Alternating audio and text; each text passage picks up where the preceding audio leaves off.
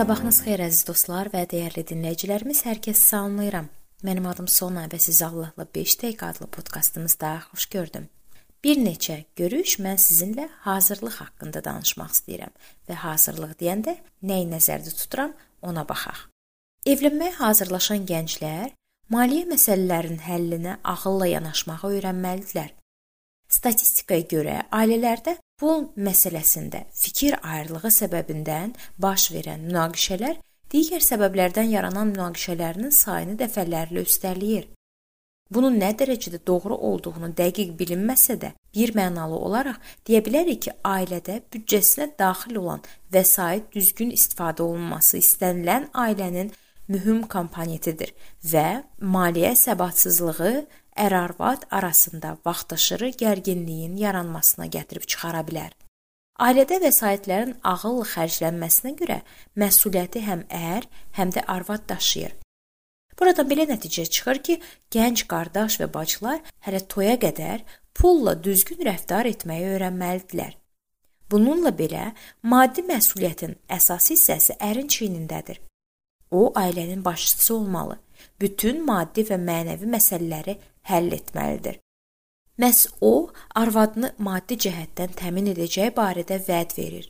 Bütün bu vəzifələri nəzərə alaraq ərin pul qazanmağı, ağıllı xərcləməyi və yığmağı öyrənməsi xüsusilə vacibdir. İmanlı gənclərin əksəriyyəti əməksevərdir. Onlar ağır işdən çəkinmirlər. Onlardan bəziləri atalarının gördüyü işə qoşulur. Digərləri kiminsə yanında işə düzəlir və ya öz işlərini açırlar hansı işlə məşğul olarsa da, əsas olan aldıqları məvacibə uyğun əmək sərf etmələridir. Onların hər biri işini səylə və həvəslə yerinə yetirməlidir ki, günün sonunda gördüyü işdən zövq ala bilsin. Onlar başa düşməlidirlər ki, heç kəs pulunu çölə atmır və maaş almağı hədəfləyiblərsə, ədalət naminə səylə və dürüst işləməlidirlər. Onlar tez varlanmağa can atmamalı bu kimi təkliflərə və sxemlərə şək, şübhə ilə yanaşmalıdılar. Gənc oğlan qazanmaqla yanaşı pulu ianə verməyi də öyrənməlidir. Nəsillərin çoxillik təcrübəsi göstərir ki, qazandığının hamısını özünə saxlayan adam son nəticədə kifayət qədər sərvət sahibi olmur. Allahın sözündə bunun təsdiqini görmək olar. Süleymanın məsəlləri 11-ci fəsil 24-25-ci ayələr. Əliaçıq adamın bərəkəti artar. Başqasının qazancını yeyən ehtiyaca düşər. Cömərd bolluğa yetişər. Su verənə su verirlər. Əhdətiqdə bu məsələ ilə bağlı xeyli nəsihət var. Əliaçıqlıqla bağlı Həvari Paul yazırdı. Hər şeydə zəngin olduğunuz kimi, bu xeyirçilikdə də zəngin olun. 2-ci Korinflilərə 8:7. O həmçinin məsihçiləri xəsis olmamağa çağırırdı. Baxın 2-ci Korinflilərə 9:6. Yadda saxlayın, az əkən, az, çox əkən bol-bol biçəcək. İstənilən iş vəsait tələb edir. Məsihçi bədbəxt hadisələr, kasıbçılıq və ya hər hansı digər ehtiyac barədə eşidəndə Məsihçi sevgisi onu sıxıntı içərisində qalan insanlarla nə isə bölüşməyə və ya onlara hər hansı yardımı etməyə təhrik etməlidir.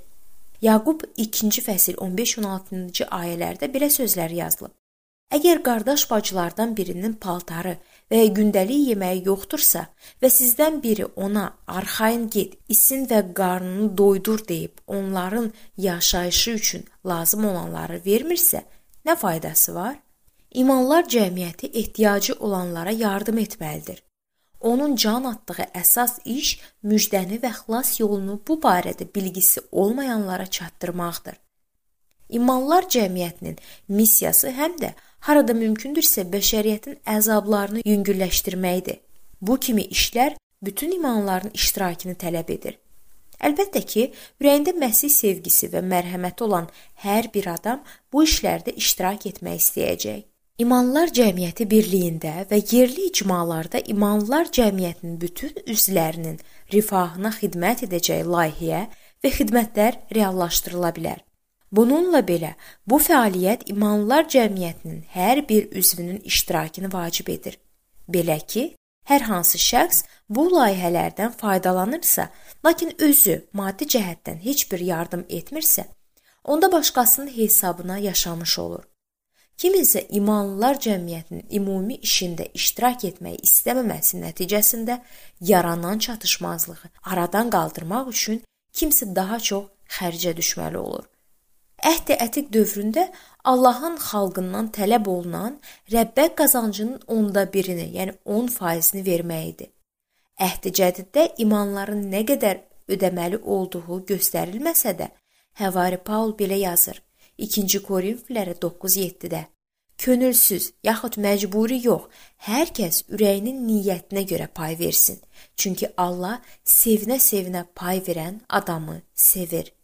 Növbəti görüşümüzdə bu mövzunu daha ətraflı danışacağıq.